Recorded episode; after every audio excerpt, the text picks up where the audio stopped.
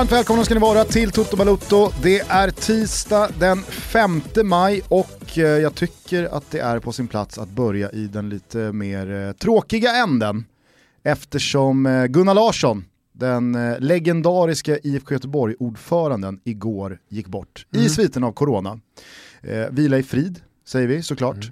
Mm. Men jag tycker också det kan vara på sin plats att i någon slags never forget-anda lite kort minnas då det Gunnar Larsson eh, kanske inte eh, liksom, enskilt ska tillskrivas, men att men... han var ordförande för det mest framgångsrika klubblag vi haft i landet, nämligen IFK Göteborg 80-tal och 90-tal. Exakt, och det är det som är rubriken på hans gärning inom fotbollen.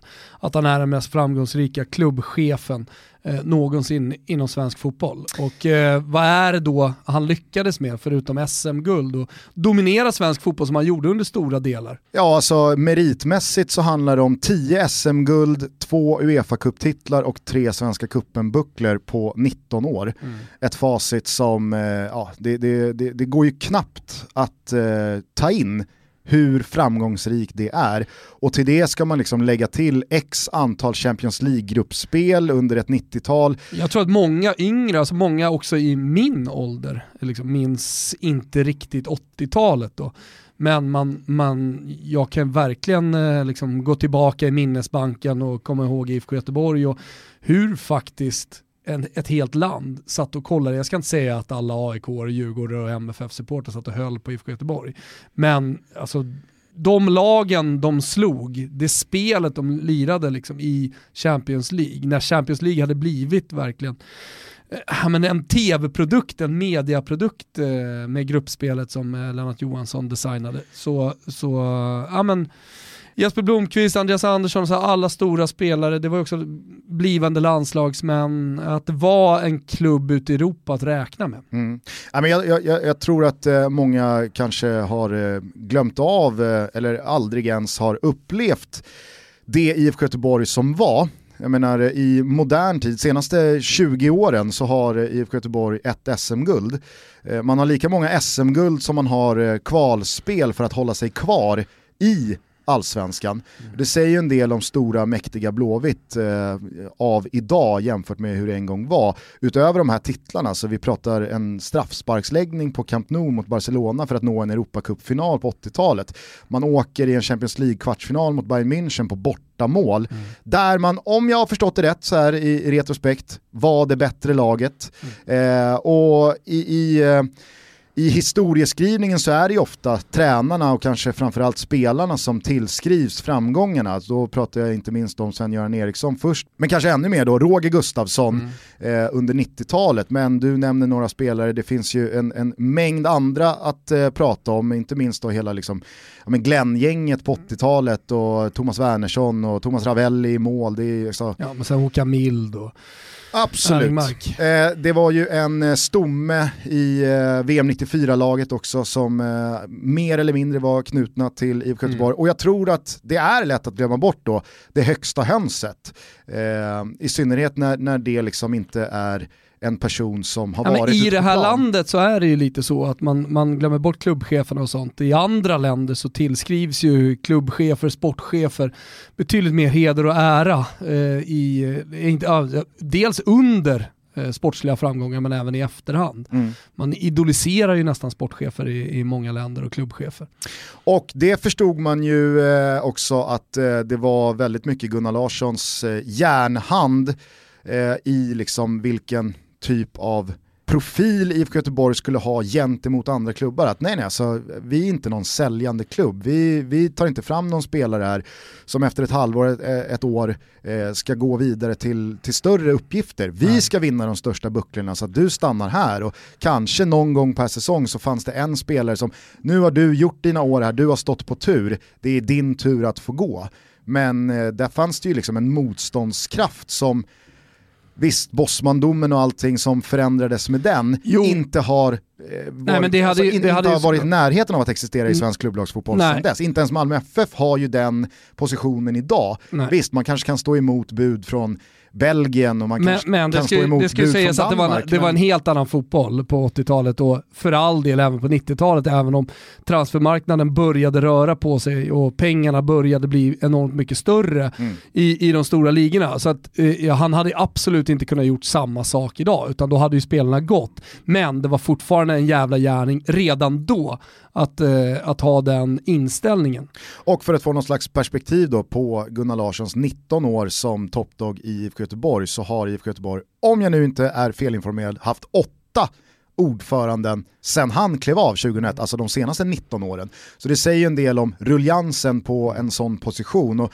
jag tror att det var José Mourinho som på presskonferensen när han blev klar för Manchester United sa att jag är inte en ny Sir Alex Ferguson, för jag tror också att den tiden mm. i fotbollshistorien är förbi, när en person styr en klubb i två decennier. Mm. Det, det, kommer liksom inte, det, det, kommer inte funka så framöver, utan en tränare kommer komma in i lag, sen så, sen så finns det ju såklart tränare och tränare. I, i England så är det ju väldigt mycket manager. Eh, en, en sån roll styr mer än en tränare i en svensk klubb.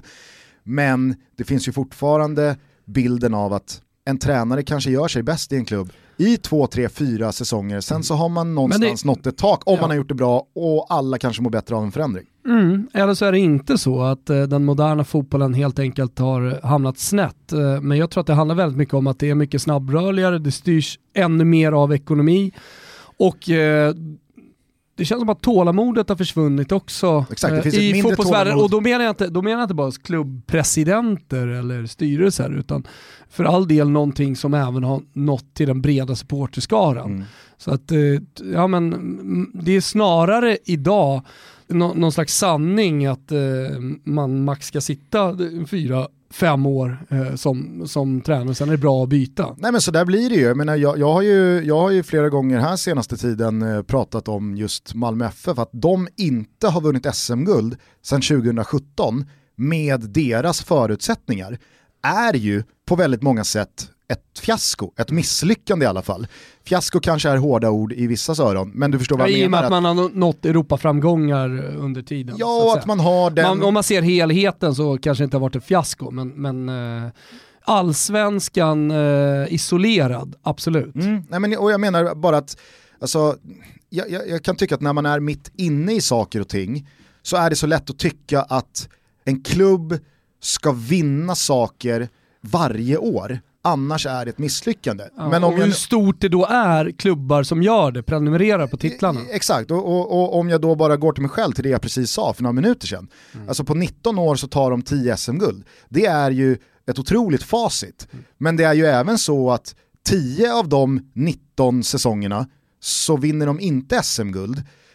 Förmodligen under en tid där alla som var involverade i IFK Göteborg, såväl eh, liksom direkt som eh, supportrar på läktarna, tyckte att de skulle vinna SM-guld. Och ändå så ser man på det i efterhand som en otroligt framgångsrik period. Och det där kanske folk borde bli lite bättre på att man kanske ska se på en lite klubb... Lite mer utzoomat. Exakt, man kanske ska se på Blåvitt eller AIK eller Djurgården eller eh, Hammarby eller Malmö, alltså de stora klubbarna i Sverige ur ett eh, femårsperspektiv. Vad vann den här klubben över fyra år? För det, det finns bara ett SM-guld att tävla om varje kalenderår. Det finns bara en Svenska cupen-buckla och den bucklan har ju, om vi ska vara ärliga, många år den senaste 20-årsperioden inte varit speciellt eftertraktad. Det är ju nu på senare år som kuppen har fått ett uppsving både publikmässigt och intressemässigt. Det har varit viktigt, men... men, jo, men du fattar vad jag menar. Ja, absolut. Det... Men kolla, kolla, kolla på Liverpool till exempel som inte har en inhemsk titel på 30 år nu. Ligatitel. Ja, exakt. Mm. Men de har ju lite alltså, cuptitlar och ja. de har ju Champions League-titlar. Exakt, men 30 år. Ja. Det är lång tid för en stor klubb. Självklart, och där, det är väl ett exempel som är rimligt att dra. Att nej, det har varit ett jävla misslyckande för Liverpool att inte ha vunnit ligan på 30 år. Men man har vunnit Champions League två gånger på 2000-talet. Man har plockat lite kupptitlar eh, inhemskt och eh, internationellt. Eh, men visst, där är det ju... Supportrarna har haft anledning att eh, fira. Ja, jag, jag, jag menar bara att så här, ta i den här stan, alltså jag, jag, tror inte att så jävla många lever idag i verkligheten att Djurgården är herre på täppan inom den svenska fotbollen och upplever en Nej, otroligt framgångsrik... Nej men alltså, jag, jag, jag menar bara att om vi om tio år blickar tillbaks på skarven mellan 10-tal och 20-tal, ja då har Djurgården ett SM-guld, man har kuppbucklan, man har eh, eh, Europaspel, alltså så här, man, man kanske då ska säga, fan Djurgården hade en jävligt framgångsrik period då, det blir så jävla lätt att Ja, men de, har dåligt, de har dåligt år i år, om de nu skulle ha det. Ja. Så är det lätt att stryka ett streck över vad de gjorde för ett år sedan. Ja, eller, att... eller AIK då, som kom fyra. Ja, eller då i, i liksom så här Malmös vardag nu, att de har inte vunnit SM-guld sedan 2017 och det kan jag sitta här och tycka är ett fiasko eller i alla fall ett stort jävla misslyckande för det ska de ha. Man kan alltid missa en titel men Malmö med de förutsättningarna som har varit senaste säsongerna ska inte missa SM-guldet två säsonger i rad. Det ska de inte göra. Å andra sidan så kan man se på det som att man har två gruppspel i Europa League där man har gått vidare från båda eh, gruppspelsrundorna till eh, vårens slutspel man har säkrat Europaspel eh, i, i, den, i den allsvenska serien varje år. Fan alltså, när, när jag liksom tänker på vad jag vill ta med mig från Gunnar Larsson-eran i Göteborg så kanske det är mer det att mm. tålamodet borde bli fräscht igen. Mm. Det, det, det, det borde bli mode. Man kanske mer ska predika och lyfta fram och sätta ett värde i att framgångarna kommer om det får vara kontinuerligt bra, men man kan också missa en titel här och där. Man behöver inte, för att anse eh, anses som en framgångsrik det, det klubb, som är, vinna SM-guld varje Det som blir, det är ju att, aha, ska, om de missar SM-guld i år, då är det tredje året. Mm. Alltså när, när börjar det verkligen bli ett fiasko? Även för... Absolut, men sen så det, det, det, alltså Malmö, säg att Malmö missar SM-guldet två säsonger till, mm. men sen så vinner de 22, mm. 23 och 24. Exakt. Då kan du gå tillbaka till 2014 och säga, mm. på den tioårsperioden ja. så vann man, vad det nu blir, man vinner alltså 14, man vinner 16, man vinner 17. Mm på den tioårsperioden så har man sex SM-guld. Mm. Och så låter det helt plötsligt helt otroligt. Mm. Man tar någon kuppbuckla, man har fyra, fem, kanske sex mm. gruppspel i Europa och man säljer spelare för x antal hundra miljoner. Ja, absolut. Alltså det, det, Nej, men det, det, och det gör man ju sällan, sätter fotbollen i, i perspektiv. Mm, men, man lever så jävla mycket här och nu. Precis, men jag upplever samtidigt att alla är så överens om att bakåt i tiden så kan man se på femårsperioder eller tioårsperioder mm. som någonting rimligt i det här fallet och IFK Göteborgs 80-tal, 90-tal, där går det att så här, ja det, det, var 20 år eller 19 år i det här fallet. Men det känns helt otänkbart för IFK Göteborg av idag att prata om vad man har gjort sedan 2012 var det va med Real Blåvitt och man vann någon kuppbuckla och 2015 så kommer man två i allsvenskan. Jag säger inte att man ska ge sig ut på Avenyn och, och fira en andra plats men man kanske borde bli lite bättre på att se vad man faktiskt har uträttat över tid. Mm. Jag vet inte. Ja, det är möjligt. Och så, vi får väl se också hur det går för uh, Stramaccioni. Nu gjorde jag en riktig liksom, eh, vinkelsväng här. Ja, inte din bästa. Ah, vet inte. Du, du minns när vi pratade om hans uh, tränargärning i Esteghlal i Iran? Esteghlal? Ja, jag sa ju det. Ja, just mm, det. Mm. Ja. Tränargärning i Esteghlal i Iran. Eh, kommer, kommer du ihåg vad som hände? Eh, han eh, blev väl, eh, alltså typ paria va? Han, han, blev kickad. Ja, men fick inte lämna. Men fick inte lämna landet. Ja. Och sen var det snack om att han satt på ett flyg, men hans eh, tränarstab var kvar i Iran. Och då tänkte man ju så här, vad fan är det som händer? Och eh, supportrarna började då protestera, inte mot eh, de dåliga resultaten från Stramaccionis sida, utan de började protestera mot klubben. Och det var, inte, det var inte på Twitter, det var inte sociala medier, utan de gick ner på piazzan med, med påkar och, och ställde sig utanför klubbhuset och verkligen var irriterade. Där och då tänkte man ju att nu är det över för Stramaccioni i, uh, i Iran. Mm. Alltså han har ju han fått, åka, fått åka från landet. Och det här är, är för de som inte har koll, liksom en, en italiensk uh, yngre tränare som kom fram som the next Mourinho va? Ja, fick, ti, uh, fick Inter ganska tidigt mm. i karriären, hade väl haft typ Primavera-laget va? Ja, han kom direkt från uh, ungdomsfotbollen vill jag minnas. Ja, och sen så blev det inte speciellt bra, kanske då lite på det temat vi pratade om att Inter var en klubb som ganska så kort tillbaka i tiden hade vunnit trippen och stått på toppen. Ja, och då blir det de orimliga kraven att vi ska fortsätta vinna Hade inte samma förutsättningar heller att köpa spelare utan Nej. det var en helt annan klubb som hade tagit över. På tal om perspektiv så har man ju det perspektivet idag även om man kanske där och då kritiserade honom mer och kritiserade Gasperini till exempel som nu är hyllad som en hjälte i Bergamo och hela fotbollsvärlden pratar om hans fotboll. Eh, men eh, när han tog över Inter så blev det ju så här, ah, han, han, han är han klarat precis... av att ha en uh, stor klubb. Och... Ja, och det var väl också precis efter att Moratti hade lämnat. Ja, Eller i alla fall skulle där, lämna. Så att det var väldigt mycket... Sen hade man ju en, innan Sunning tog över, kinesiska Sunning, så, så hade man ju eh, den indonesiska mediemogulen, vad heter han?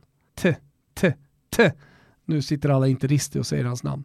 Hur som helst, eh, det, det, det som blev med Stramaccioni är att han hamnade lite i Udinese, han eh, tror han var i han var Tjeckien, Tjeckien va? Slavia Prag. Eh, Slavia Prag, exakt. Eh, och sen till slut då Iran. Och, ja, däremellan så eh, tog han väl Panathinaikos också? Just det! Europa League-kvalade ja, mot AIK på Tele2.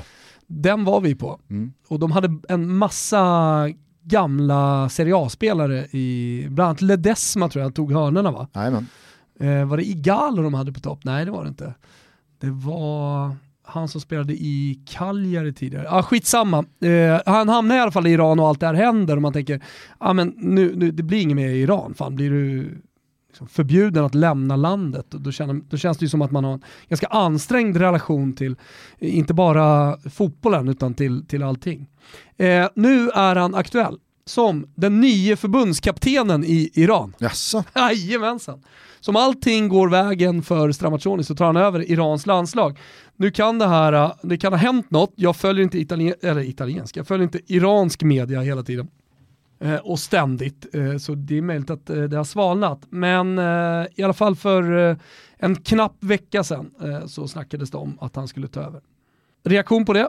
Ja, det är, det är kul att det har, har vänt då. Ja, det är kul för Strabaccioni. Men också märkligt. Hur kan man gå från liksom sparkad och, eh, som jag benämner det, paria till att bli förbundets val Vi, som vi kanske helt enkelt får ringa upp någon av våra eh, iranska vänner och kolla i något avsnitt här framöver om det är så att det finns mer kring det här. Det har jag snappat upp och det händer ju grejer nu när det är coronatider. Det händer inte så jättemycket på fotbollsplanerna. Nej, men, men eh, alltså jävlar vilken märklig eh, parallell verklighet som eh, bedrivs vad gäller fotbollen och resten av världen. Jag sprang på eh, Lelle Sandahl i morse mm. Eh, på väg till kontoret. Vad har vi på Lelle Sandahl då? Sportchef i Karlberg. Mm. Det Karlberg som blev så uppmärksammade under kvalvaka. Precis. När Broa Pishdari fick upp en eh, telefon och eh, livesände matchen mellan Karlberg och IFK Luleå mm. efter att IFK Luleå hade problem att ta sig till matchen, man trodde inte att det skulle bli av, men sent på kvällen, natten, så spelades i alla fall matchen i, på Bosön. Precis. Det kom en jävla snöknäpp, det föll fan 30 cm snö och det fanns inga snökedjor på bussen. Och det här var ett kval... Veva upp den här jävla bussen. Det var ett kval om en plats i eh, division 1 norra och det här sammanföll med eh, årets sista, det här borde varit 2017. 2016 Eller 18. kanske, nej inte 18. Det är för sent. Eh, det sammanföll i alla fall med det kalenderårets sista landslagssamling och eftersom det här trendade på Twitter så satt John Guidetti och ett par spelare till på landslagets hotell, jag tror att det var i Frankrike, de skulle landslagsträningsspela mot Frankrike på nya eh, Stade Velodrome i Marseille och satt upp och följde det här. Och Guidetti satt och hejade på att så här, kom igen, låt det bli match, det måste bli match. Och så blev det världens jävla snackis. Ja, och Broa fick upp eh, sin telefon, sände matchen och det var väl smått legendarisk eh, kommentering där. Som flög under en match om vi ska vara ärliga. Ja, knappt det va? Knappt det, sen, sen kom olika spelbolag, eh, erbjöd honom ändå lite pengar och åka upp att sända matchen för dem, men då blev det en produktion lite för, eh, kan man säga, normal. Du rycktes ju också med i det här, åkte upp. Jag, sa jag, åkte upp och skrev, att- jag åkte upp och skrev en Nej, det är krönika. pyspunka redan. Ja, jag åkte upp och skrev en krönika och den krönikan den var ändå li, eh, lite rolig. Hur som helst, eh, IFK Luleå vinner den matchen och sen eh, går jag ut och firar på Allstar i Luleå tillsammans med laget, bland annat då, eh, Raja Laxos lillebrorsa som spelar där. Kul. De fick vara kvar i division 1. Den svåraste serien eh, för en klubb att eh, befinna sig i för att det är dyrt eh, med många resor och spelarna måste ändå ha någon slags lön för de spelar fotboll hela tiden. Men sponsorerna och biljettintäkterna kommer inte riktigt in. TV-rättigheterna, ettan, vad heter de? Ettan Media? Ettan? TV. Ettan TV. De eh, betalar väl inte jättemycket. Nej, det kan jag inte tänka mig. Ja, hur som helst, eh, Lelle Sandahl är i alla fall sportchef i Karlberg. Karlberg som eh, alltså, fram till bara för några år sedan var en division 2, division 3, division 4-klubb i Stockholm, spelar eh, sina hemmamatcher på eh, Kristineberg en gång i tiden, eh, sen eh, ett gäng år tillbaka är det väl Stadshagen. Men eh, det är ju en klubb som har fostrat då inte minst då Kalle Karlsson, som har gått från eh, liksom skrivande taktiknörd på Sportbladet eh, till assisterande tränare i eh, Västerås i Superettan, har även eh, varit med Via Euro, eller från Eurotalk ska ju sägas. Alltså, Ja. Eh, varit med då och eh, förädlat eh, spelare som Sean Sabetkar, eh, lagkapten tror jag är idag i samma VSK i Superettan. Så att, eh, det är ju en klubb som är lite i ropet, i alla fall i utkanten av Stockholmsfotbollen. Eh, nu har de återigen profilerat sig genom att ge huvudtränaruppdraget till coach Dogge.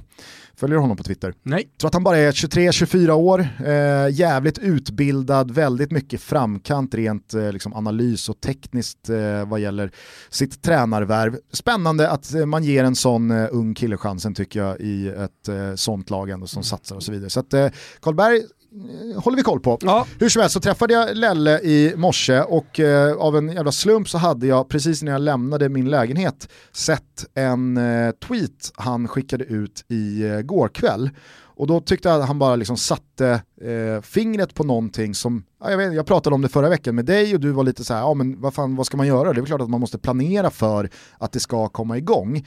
Men jag tycker här hemma i Sverige så, så börjar det bli mer och mer skevt i att okay, den allsvenska starten och kuppen med det närmar sig samtidigt som vi i övriga samhället kommer längre och längre ifrån eh, Eh, allt var liksom fotboll och social samkvämheter. Exakt, samtidigt som allting är rörigt. Som en anekdot från helgen är på Ikea och sen i Skärholmen centrum där det åker runt eh, permobiler och det är fullt med folk och så sitter det då klistermärken i golvet och Ikeas eh, eh, speaker eh, drar ut liksom håll avståndet men det är för fan tusen pers på Ikea, det går ju inte att hålla avståndet, Nej. man trängs ju och sen så åker jag till Djursholms IP med mina tjejer och ska spela fotboll och där får det vara max 50 pers och där står föräldrar utspridda utanför staketet lite grann och kollar. Alltså det, det, det, det är- rörigt att förstå logiken just Mm.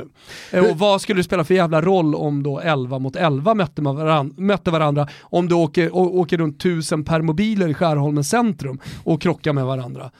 Hur som helst så skrev Lelle då i alla fall. Håller Tegnell bara masken? Är han förd bakom ljuset eller lever många inom svensk fotboll i en egen verklighet? Och så eh, bifogar han då en skärmdump på eh, en artikel från svt.se som publicerades eh, igår kväll då. Eh, som har eh, ingressen “För att svensk elitfotboll ska kunna starta krävs att Folkhälsomyndigheten lättar på restriktionerna.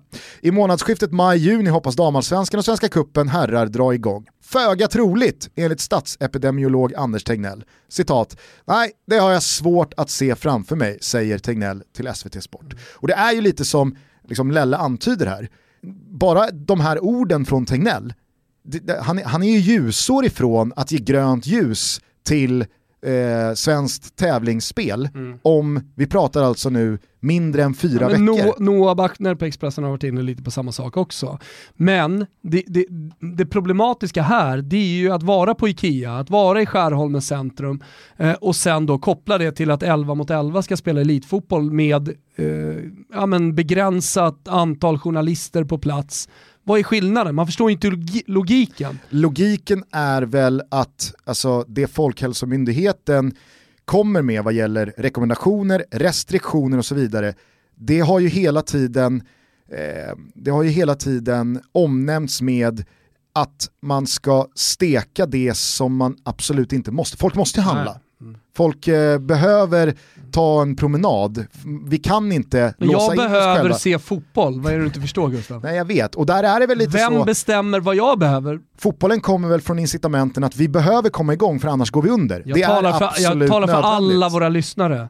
Fotbollen måste komma igång. Ja, jag, jag, tror att det är väl den stora clashen här, att Tegnell anser inte att Svenska Cupen är Jag ska ta ett snack med honom. Mm. Mm. Ja, jag vet inte, för att jag, jag, jag, jag tycker, alltså, jag har så jävla svårt att få ihop i mitt huvud att samma dag som franska ligan stänger ner, Nej, vi stryker eh, säsongen 1920, det blir ingenting, man förlänger eh, alla restriktioner i landet till 24 juli tror jag och man pratar om att kunna spela fotboll igen i september parallellt med det, grannlandet Tyskland, Exakt. Äh, de går för Bundesliga-spel här nu om ja. bara någon vecka. Och det kommer ligga som grund till det svenska beslutet att vi spelar elitfotboll i juni. Så enkelt är det. Oh. Vi kollar på tyskarna, det funkar bra där. Tyskarna kommer ju komma på en perfekt det. organisation kring liksom hur det här ska funka. Det kommer vara, det kommer vara otroligt. Eh, det kommer vara otroligt organiserat, det kommer vara uppstyrt, det kommer funka jättebra. Så då kommer man kunna kolla på Tysklands första två veckor och säga, vet ni vad? Tyskarna gjorde någonting bra här och så kommer Sverige komma igång. Mm. Det är så det kommer bli. Tysken är för stor Gusten. Säga vad man vill om tysken, ja. för mycket kan fan sägas om tysken. Och mycket har du sagt Men. om tysken. Men eh, att organisera sig, eh, det, det är de fan bäst i världen på. Jag tror i alla fall, det här, alltså, jag, jag, jag tänker inte komma ut som någon... Tegnell har ju också sagt, alltså all respekt och vi har väl eh, varit... Eh, all makt åt Tegnell. all makt åt Tegnell. Men mycket har han också sagt under den här tiden, som han sen inte har stått fast vid. Väldigt, väldigt mycket. Typ? Typ? Ja. Vi har ingen allmän eh, spridning alltså spridning av coronan. Mm. Det visade sig att det var dundermycket spridning av coronan när han då sa det. Han säger att ja, vi har en eftersläpning, på, ja, det är 10-15 fall. Oj, det var visst 80 fall eftersläpning de dagarna. Alltså, det är klart att han har sagt mycket grejer här nu som inte stämmer. Som mm. man inte har kunnat liksom, backat upp en månad senare. Nej, så nej, att okay. eh, om man nu säger att eh, det är stängt, ja då får vi nästan, så, så mycket liksom han har varit väldigt kategorisk kring och sen har ändrat på sig får nästan ta för givet att han kommer ändra på sig kring allsvenskan. Okej, okay, så att du tänker när Tegnell... Jag tänker tvärtom. När du, exakt, när, ja. när, när Tegnell tvärtom i början av maj säger det kommer inte kunna spelas fotboll i början av juni, så tänk, då, då, det är en confirm ja. i, i, i ditt huvud. I, I, mitt huvud är det. Fan vad bra, toppen, ja. då kommer vi kunna spela fotboll. Nej, men det, det, det jag bara, alltså, jag, jag, jag, kommer inte komma ut som någon alarmist här eller någon liksom, Nej, inte. dystop som, som tror att det, det, det är bara att lägga sig ner och dö. Det jag däremot har känt här senaste veckan är att nu är folks behov av fotboll, folks längtan och saknad efter fotboll upplever jag lite har förblindat folk i en syn på vad det är för fotboll som kommer komma tillbaka. Mm. Jag upplever att väldigt många är så här, ja men fan okej, okay, 14 juni då är det allsvensk premiär och första juni då ska kuppen rulla igång och damallsvenskan ska igång samma tid. Jag hör ingen prata riktigt om att så här, okej okay, men hur fan kommer det se ut? Hur kommer det vara? För att den allsvenska fotboll vi har liksom levt med i alla år, den alla älskar, den handlar ju så jävla mycket om inramningen, om eh, publiken, om passionen, om ja, men den, den, eh, den profil och det DNA som man har byggt upp under extremt lång tid. Jag, jag, jag tror att fler än vad som vill erkänna det för sig själva tror att den allsvenska som ska komma igång 14 juni enligt eh, liksom, fotbollens kalkyler är precis som vanligt. Mm. Jag tror att det kommer vara så jävla deppigt när allsvenskan kommer igång utan publik, med alla de här restriktionerna, det ska vara liksom, ah, jag, jag vet inte, jag, jag, jag tror bara att i, i ens undermedvetna så tänker man att allt kommer vara som vanligt bara fotbollen kommer igång igen. Och det, ja, jag vet inte, det är någonting som, som känns att det Men... kanske blir kontraproduktivt, ja. även om jag förstår de ekonomiska incitamenten. Vi måste komma igång, annars går klubbar under, annars blir ännu fler folk av med jobbet och så vidare och så vidare.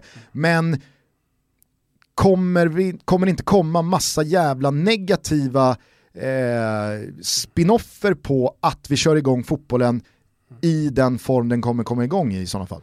Den börjar i alla fall komma igång med träningar lagen har börjat träna tillsammans. Jag såg att Sassuolo, de eh, kör löpning, sen dusch hemma. Det Mm. låter väl som en rimlig start. Mm.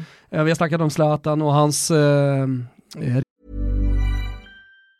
Normally, being a little extra can be a bit much, but when it comes to healthcare, it pays to be extra. And United Healthcare makes it easy with Health Protector Guard fixed indemnity insurance plans. Underwritten by Golden Rule Insurance Company, they supplement your primary plan, helping you manage out of pocket costs without the usual requirements and restrictions like deductibles and enrollment periods. So when it comes to covering your medical bills, you can feel good about being a little extra. Visit uh1.com to find the Health Protector Guard plan for you. As a person with a very deep voice, I'm hired all the time for advertising campaigns. But a deep voice doesn't sell B2B, and advertising on the wrong platform doesn't sell B2B either. That's why, if you're a B2B marketer, you should use LinkedIn ads. LinkedIn has the targeting capabilities to help you reach the world's largest professional audience. That's right, over 70 million decision makers all in one place. All the big wigs, then medium wigs, also small wigs who are on the path to becoming big wigs. Okay, that's enough about wigs. LinkedIn ads allows you to focus on getting your B2B message to the right people. So, does that mean you should use ads on LinkedIn instead of hiring me, the man with the deepest voice in the world?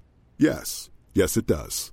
Get started today and see why LinkedIn is the place to be to be. We'll even give you a $100 credit on your next campaign. Go to linkedin.com slash results to claim your credit. That's linkedin.com slash results. Terms and conditions apply. Torno till eh, Milano och att han eh, då väntar på att man får spela i- grupp, liksom, att han kör sin egen träningar hemma med Hammarby. Vi har sett flera svenskar nu komma tillbaka, det är inte bara Zlatan som spelar med Hammarby, utan Marcus Berg och eh, vem var det mer? Viktor Claesson tränar med Djurgården. Ja, Viktor Claesson med Djurgården, Marcus Berg någon till tränar med IFK Göteborg. Eh, och då har det då kommit upp på tapeten igen. Viktor Nilsson Lindelöf tränar väl med eh, nämnda VSK? va? Så är det. Eh, då såg jag hur som helst, eh, de har gjort en karta i La Gazzetta dello Sport, eh, hur många eh, träningsplaner de har, eh, de olika lagen. Och eh, ja, men så här, Inter har fyra 11-mannaplaner som de kan då eh, träna på. Det, det känns ju ganska lugnt. Slog mig att Atalanta, de har sju. Jävlar, och det är ju jättemycket ju. Fiorentina till exempel har en, Napoli har tre. Men i topp, Bologna, de har nio fotbollsplaner. Det är mycket. Är det det? Nio fotbollsplaner, hur jävla mycket som helst. Jo, jo, men alltså... Alltså, om, du, om, du, om du ska jämföra med, med eh, till exempel Inter då, som har fyra. Ja, men jag tänker att det där är väl ett resultat av hur integrerad ungdomsverksamheten är även i A-lagets Men- bas. Jag tycker, jag tycker att det, det säger någonting. Jo men ta typ Atalanta, Atalanta det, det är väl en klubb vars hela profil är att, Brescia åtta. ja men jag, jag säger bara att, att Inter har fyra, Mm. är inte så här oj oj oj, Eh, går, går det dåligt för Inter? Nej, det inte det jag menar. jag att det, det är väl snarare ett resultat av att man är då väldigt isolerade vad gäller A-lagsverksamheten. Då behöver du bara fyra planer. Medan Ja. Atalanta som kanske har sitt U19, U17 och P15 och- och Primavera-laget, alla kanske har samma Mm. träningsbas. Då är det väl rimligt att ha fyra gånger fler planer. Ja, men om man då jämför med svenska lag. Alltså har du varit på Kamratgården till exempel, hur många, hur många planer finns det där? Eh, där vill jag minnas att det finns två. Mm. Eh, Årsta som hyllas, nyrenoverade fina Årsta, en Mm. 11-mannaplan, sen har de någon liten femmannaplan bredvid. Eh, Karlberg, det är ju visserligen då liksom gräsfält, men ändå. Alltså, det är ju inte jättestora sportcenter i Sverige. Nej. Och, och, vad... Ta BP till exempel som är Du- du vill- en av världens största ungdoms... Eh, Europa, eh, ofta kallas Europas största. Ja. Det är liksom Stora Mossen och Grimsta. Det är inte jätte... Nej. tre planer. Nej, det, alltså det, finns ju, det finns ju jättemånga planer i eh, västerort som de är försöker liksom... ändå försöker hålla verksamheten på Stora Mossen och Grimsta. Ja men alltså herregud, Grimsta, där, där har de ju, de, de har två fullstora Mm. Men konstgräsplaner här att tillgå. så samlat, de- samlat men- stora sportcenter. Jag tror du- att Sverige borde bygga fler, alltså lagen borde, borde lägga pengar på att bygga ordentliga sportcenter. Det är ju superhet potatis i AIK till exempel, att man bygger ett eget sportcenter. Eh, Cesare Prandelli, som jag alltid återkommer till, han sa att om Fiorentina bygger ett ordentligt sportcenter så har vi 7-8 poäng mer. Och om han säger det, då är det så. Ja. Så men vad, va, va, va vill du komma med det här? Att det kan bli problem här nu när svenska klubbar ska börja träna igen för att det är för tajt om utrymme? Eller vad, vad menar du? Nej, jag, jag, jag, jag ville bara landa i att jag tycker att det är för dåliga sportcenter i Sverige.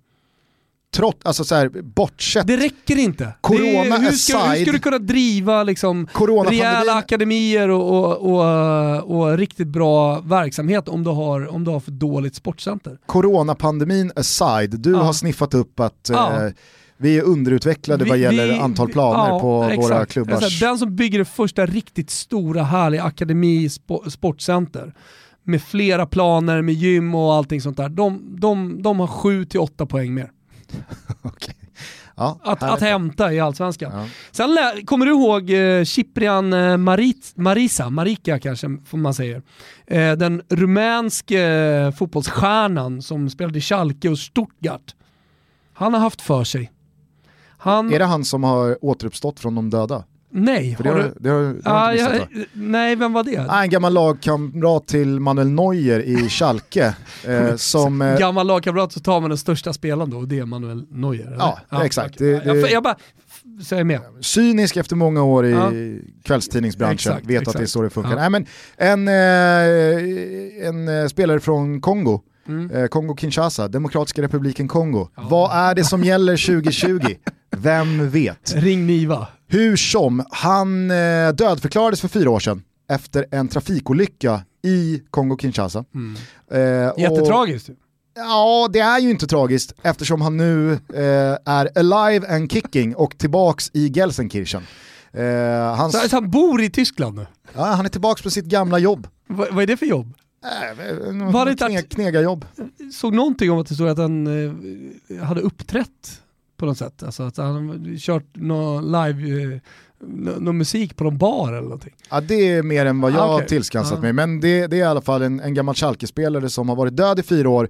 Nu lever han igen eh, och är tillbaka i Gelsenkirchen. Tyska Ex- bild som kommer med det här så att det är ändå... Exfrun eh, fick ut eh, ganska mycket pengar på livförsäkringen då, så att det, det, det luktar Från ju... Kongo. Det luktar ju eh, bedrägeri här, lång väg, men enligt den här spelaren så handlade det om att han blev dumpad mitt ute i ingenstans i Kongo.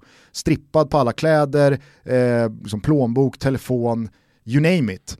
Och då, näck. ja, men i, det, i, det, i det korta citatet jag har läst så är det så här, det är först nu jag kunde komma tillbaka till Tyskland. Det tog fyra år för Det honom. tog fyra år att knalla Det tillbaka. tog fyra år att från naken droppad Nej, mitt ute i ingenstans i bushen Sidan, å andra sidan. till att ta sig tillbaka till Det Gelsenkirchen och stämpla in på gamla kneget. Sorry, jag har varit borta ett tag men nu Vad tar det jag att knalla till Göteborg?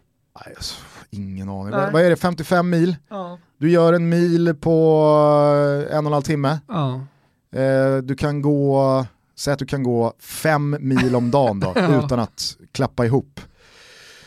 Eh, då, då, då, behöver du, då behöver du 11, säg att du gör det på, du går till Göteborg på två veckor. Mm, Så måste du plocka lite bär och nötter och kastanjer så att du... Bär och nötter. Jo men för att överleva om du är ute i Afrika. Så- Fånga någon orm och slakta. Ja visst. Ja. Hur, eh, på tal om exfru i alla Fyra fall. år är ju en, eh, det är en stretch i alla fall.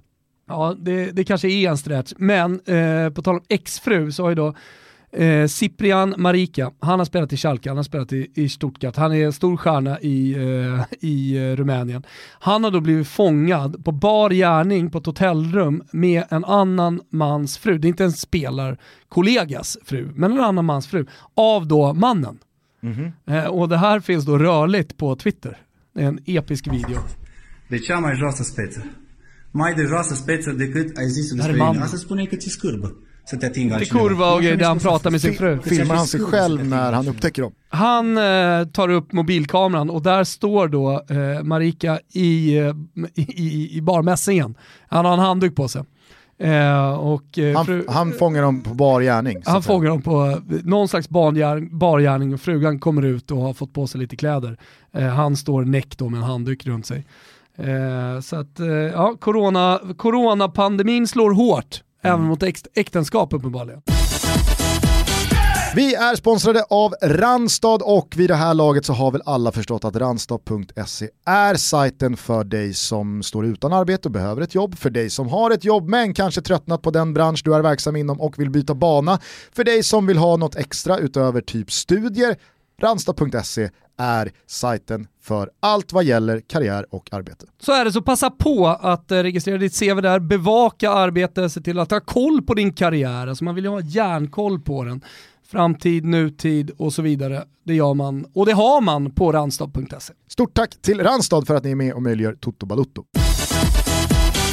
Det finns ju dock de som eh, ganska så kraftfullt menar på att eh, vi alla håller på att föras bakom ljuset. Att eh, coronan bara är eh, påhittad eh, för att eh, kontrollera oss. Aha. Och du vet vem som går i främsta ledet för detta? Nej. Dejan Lovren. Har Okej. du följt det här? Jag har faktiskt inte följt det här.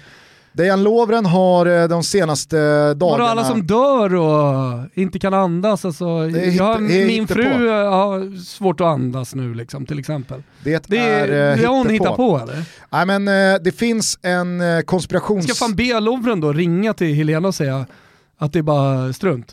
Det finns en konspirationsteoretiker som verkar vara ganska så stor globalt vad gäller just konspirationsteorier Okej. som heter David Icke, eller David Ick. Han stavar I-C-K-E. Jävligt svårt namn att liksom Mm, sätta. Hade det varit eh, typ på Balkan eller Tjeckien kanske blivit Itchke. Ja, han kanske är från Balkan och det är David Itzke då. Ja. Eller så är han tysk och det är David Icke. Mm. Jag vet inte. Hur som helst, eh, han driver då konspirationsteorin att eh, coronaviruset är bara ett sätt för ja, de, de överordnade myndigheterna att genom 5G-nätet kontrollera oss och att vaccinet som nu håller på att tas fram, som ska vara klart om ett halvår, ett år, vem vet? Tegnell vet inte, enligt Thomas Wilbacher i alla fall. Om Tegnell säger att det är ett halvår bort så är det inte ett halvår bort. Nej. Hur som, det här eh, vaccinet ska då i alla fall vara utrustat med någon slags mikrochip som uppkopplat mot 5G-nätet gör att man kan ha fullständig kontroll på alla som, Ja, eh, som- får vaccinet. Okej. Ja, det låter ju som en eh, film man såg i slutet på 80-talet. Mm. Alltså inte en film, men så som filmer gjordes. Så, att, eh, Så som man såg på framtiden på, i slutet på 80-talet, början på 90-talet. så för att svara på din fråga Flygande så, bilar och kontroll. Och... så för att svara på din fråga så tror jag inte att Dejan Lovren menar på att alla de som har dött i corona har dött av någonting annat. Jag tror att han, alltså Han menar på att de har skapat han, han går nog med på att coronaviruset. coronaviruset finns Ja. Mm. och är vad det är, men det är skapat och lössläppt för att vaccinet ska tas fram, alla ska vilja ha vaccinet, men vaccinet är egentligen Men ett sätt för myndigheterna att kontrollera ja, Men då är det befolkning. dåligt virus, för i någon grupp man verkligen vill kontrollera så är det de som ska växa, växa, växa upp, alltså våra barn. Och de kommer vi väl inte vaccinera. De drabbas ju knappt av det här viruset. Jag skulle aldrig vaccinera mina barn som det känns nu. Och då är jag ingen jävla scientolog från Järna. Utan, eh, om man tänker på svininfluensan och alla, när, alla som blev eh, Men är det, helt, är det helt orimligt att tro att om, om fem år så är, liksom, är det lika naturligt att vaccinera småbarn för corona Nej, på samma sätt som det är stelkramps... Alltså, det, influensaviruset idag, alltså influensa A och influensa B, det ger man ju till gamla och äldre och riskgrupper. Det är inte så att du går och tar influensavaccin, eh, eller gör du det? Eh, nej, det har jag inte gjort. Nej, exakt. Men det, det är många äldre som gör det. Däremot eh, TBE, Jo men, snälla, det är ju något annat. jag, jag, jag säger bara, det, jag, TBI, TBI. hej. Det gör, jag, det gör väl alla som bor i skärgård, eller som har en skärgård i närheten. Eller som bor i Sverige. Ja, eh, Lovren har i alla fall kört hårt då på sina eh, sociala medier och eh, så har han då gått i clinch med Bill Gates. Mhm. Ja. på sociala medier. Ja, nej men Bill Gates eh, menar ju då, liksom, alltså så här, Bill Gates eh, har ju, jag, vet, alltså, jag, jag har inte stenkoll på Bill Gates, men de, de, den, den Bill Gates man nås av nu för tiden är ju mycket mindre datorer Mm. och Microsoft och internet mycket mer eh, brinner för att eh, vi måste ordna rent vatten och eh, u-länderna runt om i, i världen måste få tillgång till toaletter och det är mycket mer, Mm. alltså så här, ha, det, det, det är där Bill Gates fokus ligger idag snarare än att utveckla som Ja. håller på med. utveckla ytterligare något operativsystem. Eh, och eh, då så eh, har Bill Gates då pushat väldigt mycket för att vaccinet måste fram och det ska nås alla så att vi, ja, världen måste räddas från corona. Nej, nej, nej. Inte, i Lovrens, eh, inte i Lovrens värld, utan då är ju Bill Gates då liksom, det, det är ju riddaren som rider i främsta ledet för detta, liksom, denna plott av 5G-masterna och vaccinet som ska göra att han och alla andra människor i världen ska kontrolleras av eh, myndigheterna. Och han är väldigt slagkraftig då i sina formuleringar gentemot Gates. Vet du vad han skriver? Nej. Game over Bill. Pe- Bill! People are not blind. Han har sett igenom vad fan som försiggår här. Så att eh, Dejan Lovren och eh, David Itchke, eller David Ike, eller vad han nu heter, de har synat Bill Gates jävla vaccinbluff va? Jag undrar hur det här kommer landa, för att Lovren... När Lovren kommer tillbaka. Exakt, och det, alltså, jag, jag, Robin Bylund, väldigt eh, profilerad Liverpool-supporter, eh, inte minst på Twitter, han skrev då, alltså han är ju en av de som ofta försvarar alla Liverpool-spelare. Ja. Han skrev då igår när det här kom ut att inte, Han kommer få det tufft i här var- omklädningsrummet. Det här var ju inte riktigt vad Dejan Lovrens karriär och liksom eh, I något person- läge kommer Klopp, behöver. i, i, i, i, nå- i något läge kommer Klopp säga till honom att nu får du fan sluta fokusera på din jävla konspirationsteori och lira fotboll, annars har du gjort din sista, sista jävla match i den här klubben. Jag vet, men hade det här varit liksom, hade det här varit Alisson Becker eller hade det varit Jordan Henderson eller Sadio Mané, spelare som har gjort det svinbra under tiden Liverpool har gått från en toppkonkurrent till kanske världens bästa lag, ja, då hade det ju hela tiden funnits liksom en fotbollsmässig uppsida i att ha honom kvar och eh, liksom kunna vifta bort sådana här grejer. Men Lovren har ju varit typ den enda svaga länken i detta Liverpool och det tycker ju alla, inklusive Liverpool-supporterna själva. Det var ju han som spelade när då Watford spräckte deras förlustnolla. Eh, jag tror, eh, vad, vad fan var det, Dejan Lovren har spelat fyra Premier League-matcher från start senaste två säsongerna, tre förluster. Och det är ett Liverpool, du vet så här, de har knappt förlorat på tre år. Men eh, det här var, det, det, liksom, det, ska bli, det ska bli jävligt intressant att se hur det här landar i Dejan Lovrens, inte bara eftermäle utan liksom eh, presens vad gäller hans status i England. Han lär ju få frågor när han kommer tillbaka och fotbollen så sakteliga liksom börjar rulla igång igen. Ja. Det är ett sånt jävla högt spel. Game over Bill, people are not blind. Jag kan bara fortsätta lite i den här artikeln som finns på Daily Mail. Eh, Lovren uh, promoted an interview with, uh, ja, vi, vi kallar honom för Itchke då. Ja. Eh, while sharing images with phrases such as “We will not be censored”. De kan inte få tyst på Dejan Lovren och motståndsrörelsen. “And we will not be silenced” and referring to himself as being part of the resistance. Han är en uttalad motståndsrörelse. Ja, det, är, eh, Otroligt. mm, det, är, det är starkt det här måste jag säga. I Toto Balotto-båten finns Seymour Gusten och eh, efter vi gjorde Never Forget så var det ju flera av våra lyssnare som uppmärksammade oss eh, och självklart då vill vi uppmärksamma er lyssnare på att det finns en dokumentär som heter The Two Escobars. Yes. Som handlar om, eh, om man vill fördjupa sig ytterligare förutom vårt Never Forget avsnitt då, eh, i ja, men hur Colombia var och såg ut på den tiden och allting kring mordet på Andres Escobar. Det är ett bra tips. Verkligen, och det här är ju en så kallad E ESPN 3430 dokumentär som ligger på Simor. Finns ju hur många som helst bra, däribland The Once Brothers, eh, en otrolig dokumentär om två basketspelare från Balkan som växte upp tillsammans, hamnade på olika sidor om eh, inbördeskriget i eh, Jugoslavien. Eh, där finns eh, Kings Ransom, om när Wayne Gretzky lämnade Edmonton Oilers för Los Angeles Kings. Alltså, sanslöst bra dokumentär. Det är alltid häftigt med dokumentärer som berör de allra bästa. Alltså, Vi pratade mycket om Diego Maradona-dokumentären för några veckor sedan. Alltså, Visst, alltid bra med bra dokumentärer. Ja, men, men, take the ball, pass the ball som du, vi pratade om ja, också. ja, men verkligen. Men just när man får komma innanför eh, skinnet på och bakom kulisserna kring de allra största. Mm. Det är ju häftigt. Alltså Wayne Gretzky, Hockeytutto är ju Sveriges största hockeypodd. Ja. Jag vet och vi har väldigt mycket kunskap om ishockey. Det har vi. Men alltså Wayne Gretzky är ju, det är ju Maradona Mm. i hockeyvärlden. Mm.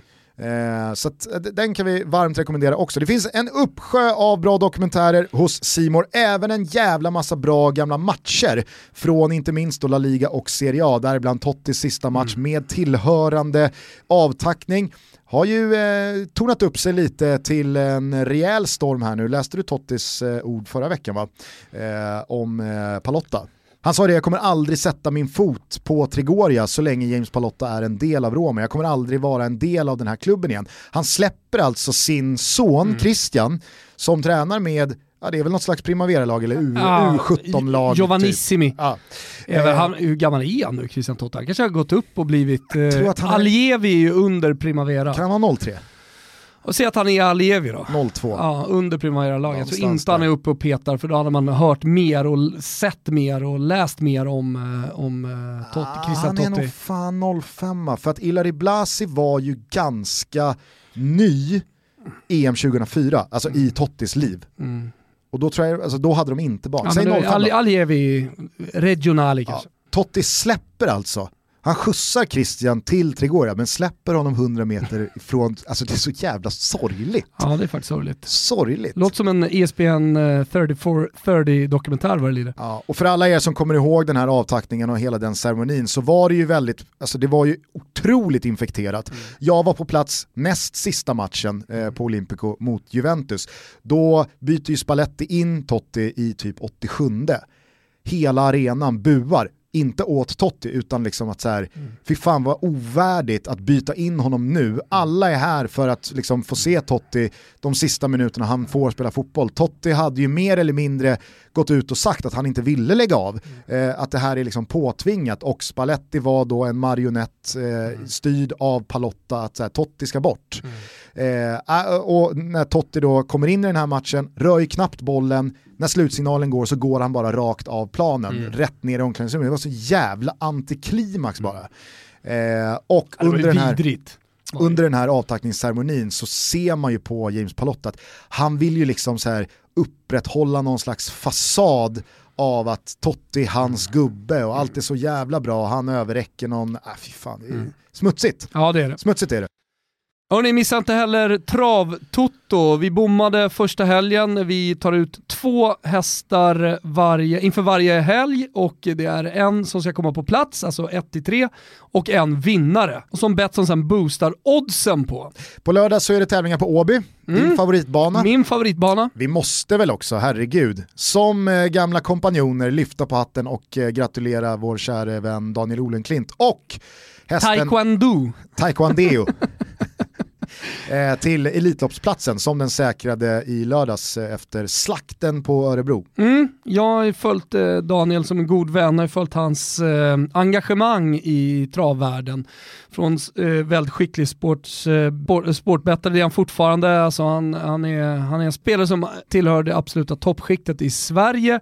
Eh, och sen så har han då omsatt eh, pengar som han vunnit bland annat, eh, som han jobbat ihop eh, i att köpa travhästar. Och det är ju en svår eh, jävla bransch att vara i. Det är inte helt jävla lätt, det är inte bara att, att liksom satsa på rätt mamma, rätt pappa, utan det gäller att ha fingertoppskänsla.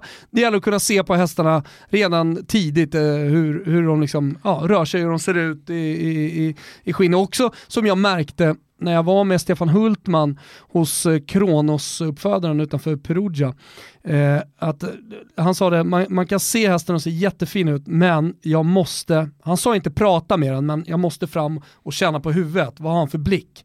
För en, en häst kan, han kan liksom se på en häst om han är dum, eller om det liksom är en smart häst som är skarp i blicken. Så då gick han fram till hästarna ute, jag var ju livrädd, släppte ut liksom 20 i ettåringar som bara liksom sparkar bakut och de märkte ju direkt att den där jävla Wilbur José, honom vill vi inte ha i hagen. Eh, så att de, de, eh, de, gjorde inte bara narr av mig utan de, de, gick även till fysiskt angrepp. Men då gick han fram då till de här olika hästarna och de direkt liksom tittade i ögonen och sa var jävla mäktigt att, att se. Nu har Olen alltså fått en häst i Elitloppet och mm. det, det är jävligt kul. Det var ju målet med vår häst också up and down quadrado, ja. senare unika. Ja. Båda coola vippen. Som alltid så är det 18 plus som gäller för allt vad eh, spel heter. Spela med måtta, spela ansvarsfullt och glöm inte att stödlinjen.se alltid är öppen för dig eller någon i din närhet som du upplever har problem med spel. Eh, hörru du, på tal om dumhet bara, eh, som man kan göra narr av. Jag ser här nu på Twitter att eh, Oliver Todd ganska respekterad journalist mm. i England. Va? Han rapporterar då att Gordon Taylor has just raised the possibility of Premier League matches being less than 90 minutes when football returns. Oj. Oj. Nu gnuggas geniknölarna. Gordon Taylor, han har alltså gnuggat geniknölarna och Gordon Taylor är vd för spelarföreningen. Mm. Marcus Kristensson eh, svenska fotbollschefen mm. va, på The Guardian. Eh, han eh, låter meddela att det inte är en person man ska lyssna på. För att Gordon Taylor, han tänker då, fan om vi kortar ner matcherna så kanske vi... Orkar jag spela fyra i veckan? Ja, men jag tror att Gordon Taylor tänker att då minskar vi också smittorisken. Jävla nöt alltså. Det finns många nötter där ute. Antingen spelar man fotboll och då spelar man fotboll, eller så skiter man i att spela. Det här, det här Sen kan man göra liksom... lite fler byten och sådär. Mm. Ja. Dålig idé. Ja, dålig idé skit ska skit ha och så vidare och så vidare. Jag skulle vilja dela ut en schnitzel innan oh. vi eh, avslutar detta Toto Balotto. Och, jag är faktiskt eh, otroligt hungrig. Eh, denna schnitzel tycker jag bankas ut med eh, alla de bästa tillbehören. Vad har vi då? Det är kapris. Ja, det är, jag gillar att göra kapris ansjovis-smör mm. Eh, till. Mm. Jag, jag, tycker, och sen gröna ärtor. Eh, det är viktigt att du, du verkligen friterar den här kalvsnitsen, eller friterar men att det, det, det är varmt så inåt helvete så att det bubblar upp. Det får liksom inte, paneringen får inte lägga sig. Nej. Det gör vi med den här snitsen. Ja. Vi ser till att göra den med perfektion. Och så skickar vi den till Solinvictus. Ja. Som, eh, måste jag säga, eh, åstadkom kanske den häftigaste bengalbränningen jag i alla fall upplevt på svensk mark. Eh, man har ju sett väldigt många från just Balkan, vi har varit mycket på Balkan det här avsnittet, mm. när typ så här Hajduk Split fyller 100 år mm. och alla supportrar står på rad i typ 4,5 kilometer längs hamnen och så tänder alla Thessaloniki hade väl någon liknande grej nere på boulevarden nedanför Dannes eh, lägenhet också, där alla tände upp. Exakt. Hämt i Neapel också det finns ju hur många exempel som helst på just sådana här koordinerade, samordnade bengalbränningar från supportrar i olika omfång vad gäller att fira saker, vad det nu kan vara. Men det här var Solinvictus, AIKs eh, största ultrasgruppering. Är det fel ja, att benämna Ultras Nord, eh, Sol Invictus, jag såg också att folk skrev AIK Ultras, ja. Eh, liksom, eh, gjorde den här bränningen. Och sen såg jag att andra skrev att det var Sol Invictus, jag har inte kollat. Hur som helst, de radade upp sig längs Västerbron i fredags kväll och sen så tror jag på tolvslaget, alltså när första maj övergick till andra maj, alltså årsdagen för Ivan Torinas mycket, mycket tragiska bortgång för sju år sedan.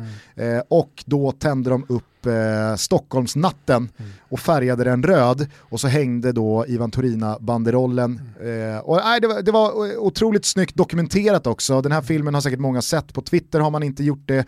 Så eh, jag har retweetat den i alla fall, jag vet mm. inte, vi, vi kanske, skulle, skulle det, vara, skulle, skulle, skulle det falla i ond jord om vi la upp den på vår Insta? Ja, ja skulle, kanske. Det skulle den det. finns där ute, alla, alla, alla, alla kan se den. Eh, men för alla som inte är från Stockholm eller varit i Stockholm eh, som lyssnar på den här podcasten så är Västerbron, det är väl den längsta bron eller är det Tranebergsbron typ längre? Men det spelar ingen roll, det är den, i alla fall den viktigaste bron. Det är den man ser överallt ifrån när man kommer in på Essingeleden.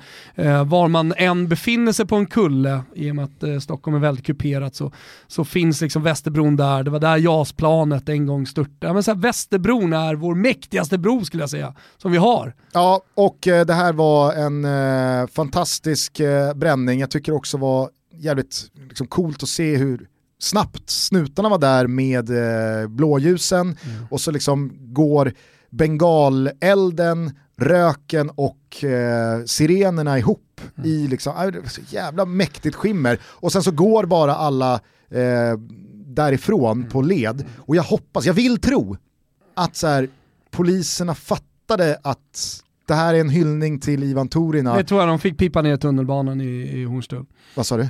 Det hoppas jag och tror att de fick pipa ner i tunnelbanan. Ja men exakt, att det bara så här, okej grabbar, nu räcker det. Mm. Fint gjort, men alltså, så här, jag hoppas att ingen blev gripen. Nej. Eller att det blev liksom massa Nej, det jävla... tror jag ge- Nej, jag hoppas det i alla fall. Det, Fin schnitzel Gusten. Ja. ja, tack. har du någon gulasch på det? Ja, det finns väl, eh, vad fan var det Ska vi, jag eller ska vi, bara, ska vi bara säga att vi ger eh, gulaschen till eh, den före detta Schalke och Stuttgart-spelaren Ciprian Marika. Och gör livet surt va? För eh, diverse män där ute. Ja, Kanske det. Hörni, eh, en sista rekommendation från oss. Det är ju eh, Olof Lunds senaste avsnitt av hans podd Lund. Det är ingen som har missat den podden va? Nej jag tror inte det. Men igår så gästade vår älskade utrikeskorrespondent Daniel Larsson. Jag tycker det var ett bra avsnitt. Ja, Danne bjussig som alltid. Mm. Eh, tog oss med bakom eh, liksom kulisserna i hans karriär. Eh, det var roligt att höra liksom, eh, Danne, Danne Lund. möta Lund. Mm. Eh, så att, eh, mycket, mycket bra avsnitt. Trivsamt. Härligt. Eh, nu säger vi ciao tutti och eh, på återhörande snart igen. Så här är det, Toto Balotto rullar på två avsnitt i veckan genom den här coronakrisen och eh, vi tror helt enkelt att eh, Tegnell, han pratar tvärtom språket. Vi är snart igång med fotboll igen. Eh, ta hand om er, ciao tutti. You know